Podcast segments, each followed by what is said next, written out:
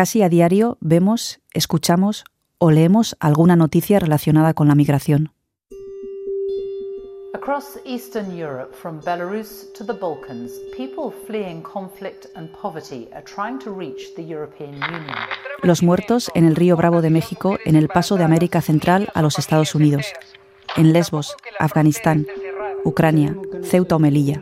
Pero ante la puerta de nuestra casa también pasan miles de personas de camino a Europa. Durante estos meses, siete personas han muerto ahogadas intentando atravesar el río Vidasoa. Son solo cifras, números fríos. Pero en este podcast vamos a ponerles cara. El Muro Invisible es una serie documental realizada por Ulu Media para EITV Podcast.